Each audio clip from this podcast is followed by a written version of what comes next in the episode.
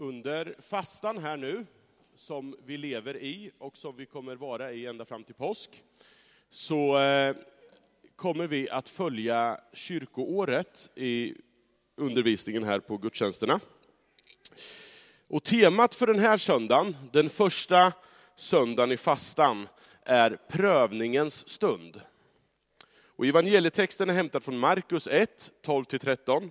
Och ni har hört den tidigare, men jag kommer läsa den igen. Och det utspelar sig i direkt anslutning till att Jesus har döpts. Och vi läser från Markus 1, 12-13. Och ni får gärna stå upp inför evangelietexten.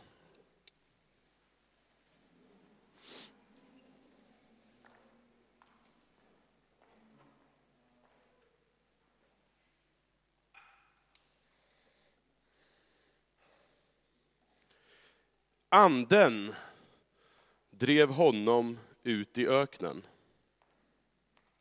Och han var i öknen i 40 dagar och sattes på prov av Satan. Han levde bland de vilda djuren och änglarna betjänade honom. Varsågod och sitt.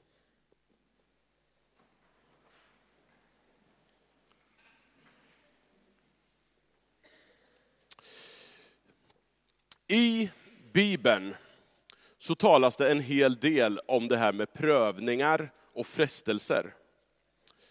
I svenskan, i det svenska språket, så skiljer vi ofta på de här begreppen. Prövning å ena sidan, och då tänker vi att det är någonting som drabbar en människa utifrån, i form av kanske sjukdom, motstånd och lidande.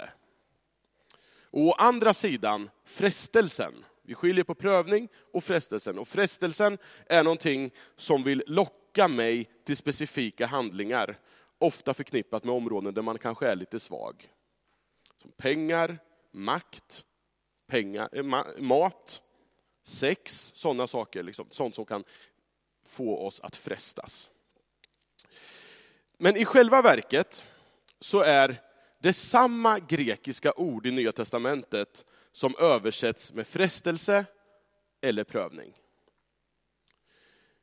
Båda de här sakerna, både prövning och frestelse, har det gemensamt att de prövar vem människan ytterst sätter sin tillit till. Och sin lydnad till för att nå det goda livet. Sätter jag min tillit till Gud eller sätter jag min tillit till någon annan? Eller något annat? Och vi behöver inte bläddra särskilt långt i Bibeln innan vi möter den första prövningen. Och det är också dagens gammaltestamentliga text, nämligen den om Adam och Eva. Där det berättas om att de prövas genom att de får en möjlighet att välja bort Guds väg. Och vi vet att de brister i sin tillit till att Gud vill dem det bästa. De sätter sig själva på Guds plats och vänder Gud ryggen. Och hela världen drabbas av detta steg.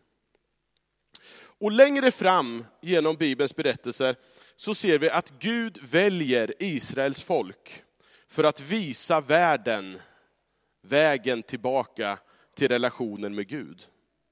Och genom det här folket, i, så, genom att det här folket i och genom allt litade på Gud, så skulle hela världen se, sån är Gud. Så ser det goda livet ut. Och så skulle hela världen också få del av Guds frälsning.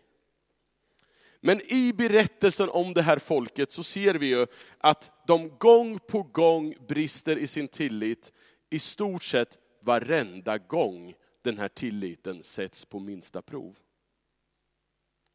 En av de mest identitetsbärande händelserna i den här berättelsen, det är ju när Gud befriar det här folket från slaveriet i Egypten.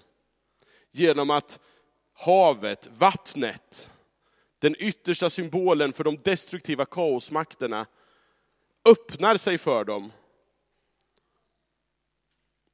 och istället slukar de makter och krafter som vill dra dem tillbaka i slaveriet. Man är fria. Och en sån erfarenhet en mäktig erfarenhet av att Gud är med dem, Gud befriar dem, borde ju ha satt sig så djupt så att man förstod att Gud var den som, man, som var värd, ensam var värd att sätta sin tillit till. Men strax efteråt så kan vi se, under den här ökenvandringen, när det blir motigt, så prövas man och man gör sig själv en guldkalv.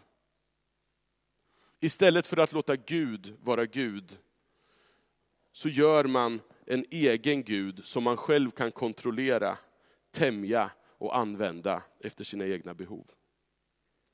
Samma prövning, samma frestelse som en gång fått Adam och Eva på fall, att själv vara Gud, repriseras gång på gång på gång i den här berättelsen.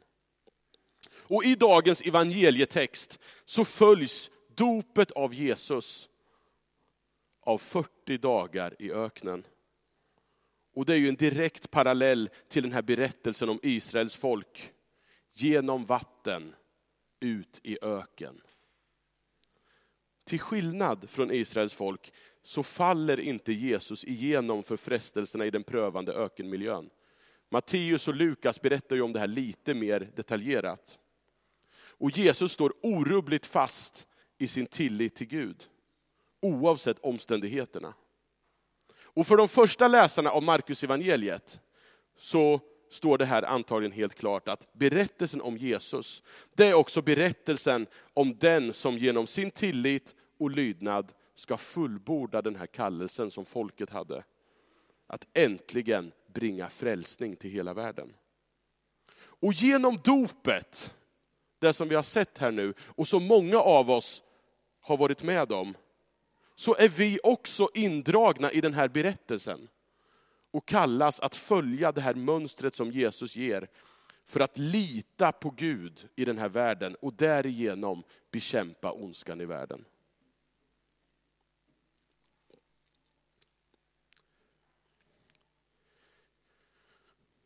Prövningen som Guds redskap. För ett antal år sedan så ådrog jag mig en spricka i min arm. Eh, och efter tre veckor i gips så var det en dubbel känsla när jag blev av med det här gipset. Först initialt så var det en väldig befrielse. Äntligen, äntligen fri.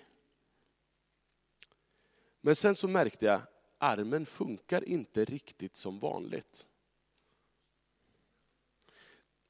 Den var svag, den lydde inte mina impulser helt och fullt. Och det finns en medicinsk term för vad som hade skett med min arm, och det är nämligen hypotrofi, tror jag. Ja, jag tror det heter så. Och det är en muskelförsvagning som följer av att muskler inte används. Förutom att ha en muskelförsedd kroppsdel i gips, så kan långvarigt sängliggande eller allt för mycket tid i rymden leda till hypotrofi.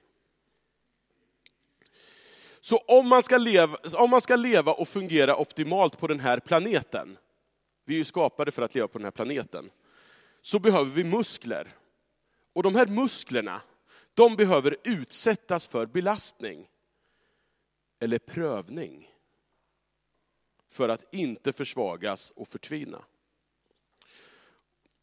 I den här evangelietexten så ser vi att det är Gud själv, genom anden, som driver Jesus ut i den här öknen.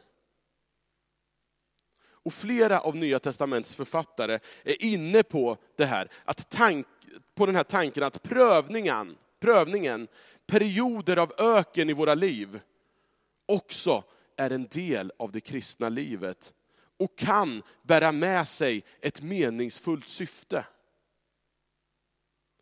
Jakob skriver till exempel så här, skatta er bara lyckliga, mina bröder, när ni utsätts för prövningar av olika slag. Ni vet ju att om er tro består provet, då ger den uthållighet. Eller Petrus, han skriver så här, därför kan ni jubla, även om ni just nu en kort tid skulle få utstå prövningar av olika slag. För att det som är äkta i er tro och detta är långt dyrbarare än det förgängliga guldet som dock måste prövas i eld, ska ge pris, härlighet och ära när Jesus Kristus uppenbaras. Det verkar som att på ett liknande sätt som muskler måste belastas för att inte försvagas, så måste tron och tilliten till Gud då och då utsättas för prövning. För att utvecklas, fördjupas och växa. Istället för tvärtom, förtvivna och kanske helt och hållet försvinna. Ibland kan jag personligen, som del i en ganska trygghetsmaximerad kultur, känna att jag håller mig med en ganska gipsbeklädd tro. Och jag är rädd för att utsätta den för belastning. Av rädsla för, vad ska då hända med den tro jag har? Men sanningen är ju den att vi är varken kallade att isolera tron bakom ett skyddande gips, eller att utöva den i någon sorts överandlig rymd, bortkopplad från verkligheten. Utan vi är kallade att vara i verkligheten och där följa Jesus. Och då kommer tilliten att belastas. Det är ofrånkomligt. Prövningar är nödvändiga för att fördjupa tilliten till Gud, så att vi, precis som Jesus som i öknen förbereds, att vi också är förberedda för de prövningar och frestelser som oundvikligen kommer när vi deltar i Guds mission i den här världen. Att älska den här världen med Guds kärlek. Men vad händer då med tilliten till Gud i en tillvaro där strömavbrott är ungefär det värsta som kan hända? Eller en för dålig wifi-uppkoppling. Vilken prövning! Vad händer med min tro om jag har levt bara i en sån tillvaro? När sjukdom, fattigdom, krig och död drabbar mig eller mina närmaste. Om jag aldrig har erfarit ökenperioder, hur ska det gå då? Jag skulle inte vilja byta. Men om jag ser på kristna i fattiga delar av världen, eller härjade delar av världen, många av er som kommer hit, som, som har kommit hit, bär på en innerlighet i tron som jag saknar.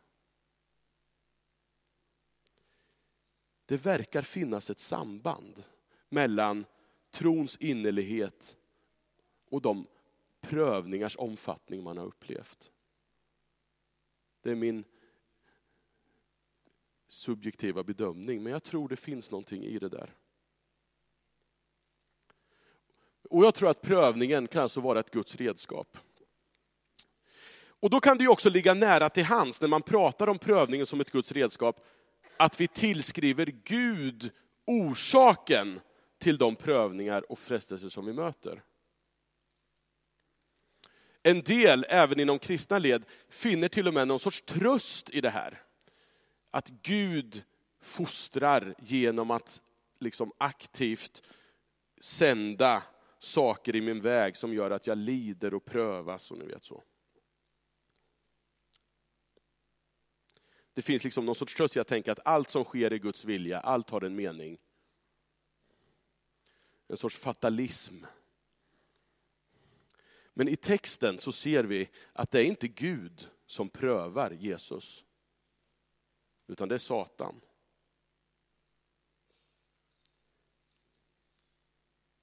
Men det finns något djupt allmänmänskligt att söka den här djupare meningen eller förklaringen till, allt mörker och lidande, till att mörker och lidande drabbar.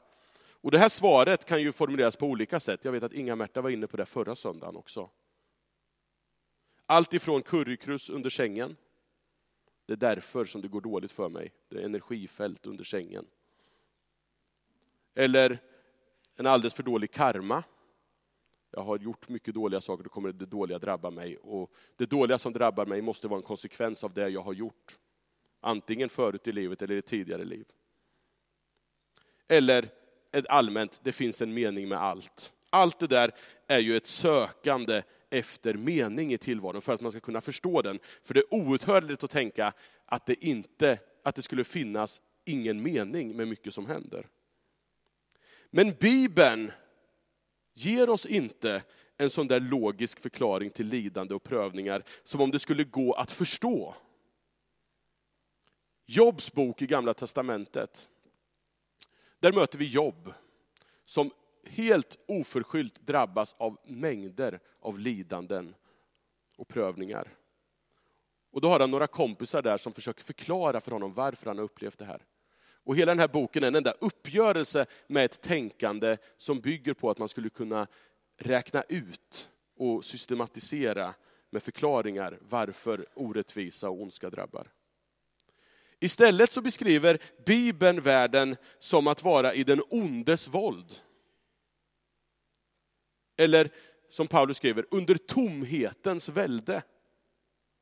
En sorts meningslöshet.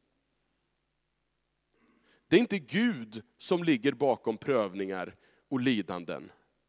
Utan prövningar och lidanden i sig själva är bara meningslösa, destruktiva element i en fallen värld. Men Gud verkar i sin oerhörda suveränitet och nåd kunna använda det destruktiva i konstruktivt syfte för att övervinna ondskan. Jesu död är ju ett uttryck för det. Han genomlider det mest ondskefulla, mörka och meningslösa i sin död. Genom att i tillit till Gud möta det, så besegrar han det han själv går igenom.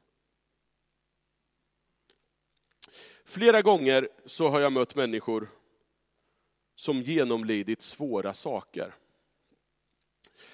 Och det är många som säger samma sak. Jag tror inte att Gud låg bakom att jag blev sjuk, eller att min vän dog, eller den här olyckan som mitt barn var med om, eller det här snedsteget som jag frestades till och som gjorde att jag nu lever i skils, lever, som gjorde att jag fick genomgå en skilsmässa. Jag tror inte att det var från Gud. Men jag skulle inte vilja vara utan erfarenheten av det. Eftersom det har stärkt min tro och hjälper mig att hjälpa andra. Gud kan göra någonting med det vi går igenom. Vi prövas ständigt i en fallen värld av en massa saker som inte alls kommer från Gud.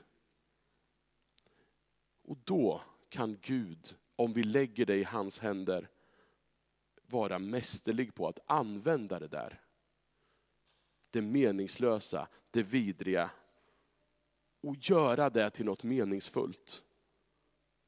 Om vi i tillit lägger det i Guds händer. Och, ut, och redskap för det, vi har bönen, vi har församlingens gemenskap som goda redskap att hantera prövningen. Och dela lidandet med. Paulus skriver också om att när Gud låter prövningar drabba så erbjuds också en väg framåt. I första Korinthierbrevet 10 så skriver han så här. Gud är trofast och ska inte låta er prövas över er förmåga.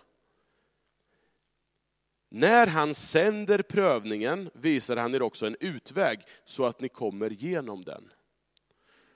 Och här finns det ett grovt översättningsfel i den här texten. Därför att det enda, det enda som Gud sänder enligt grundtexten, det är utvägen. Med prövningen sänder Gud en utväg. En mer korrekt översättning. Gud står inte som sändare av prövningen, utan Gud står som sändare av utvägen från prövningen. Och då kanske det är så här, att du är i en situation som är att likna vid en tröstlös öken. Och kanske känner du precis som Robert Broberg känner när han är i öknen att det blir bättre bakom kröken men det blir ännu mera öken.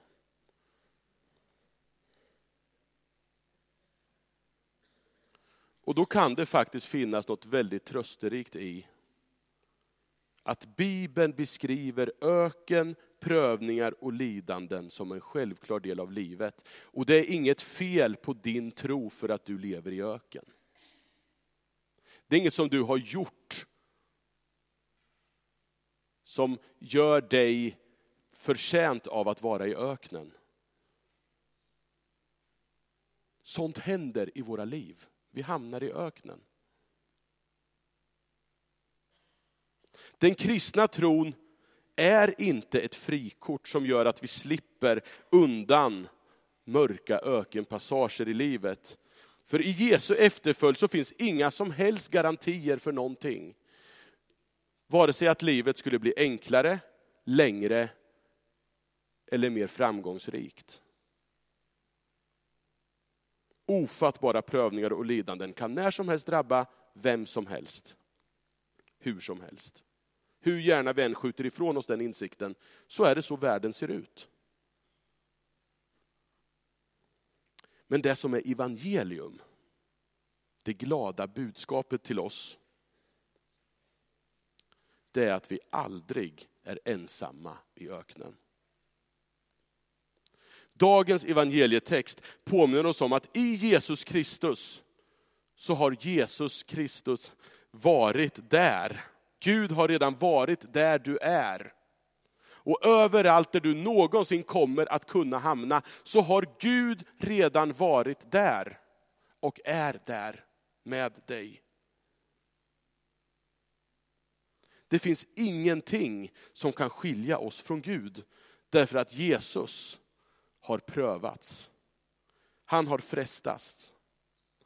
Han har haft sorg. Han har haft skoskav. Han har svikits av vänner. Han har blivit utsatt för mobbing. Han har till och med dött.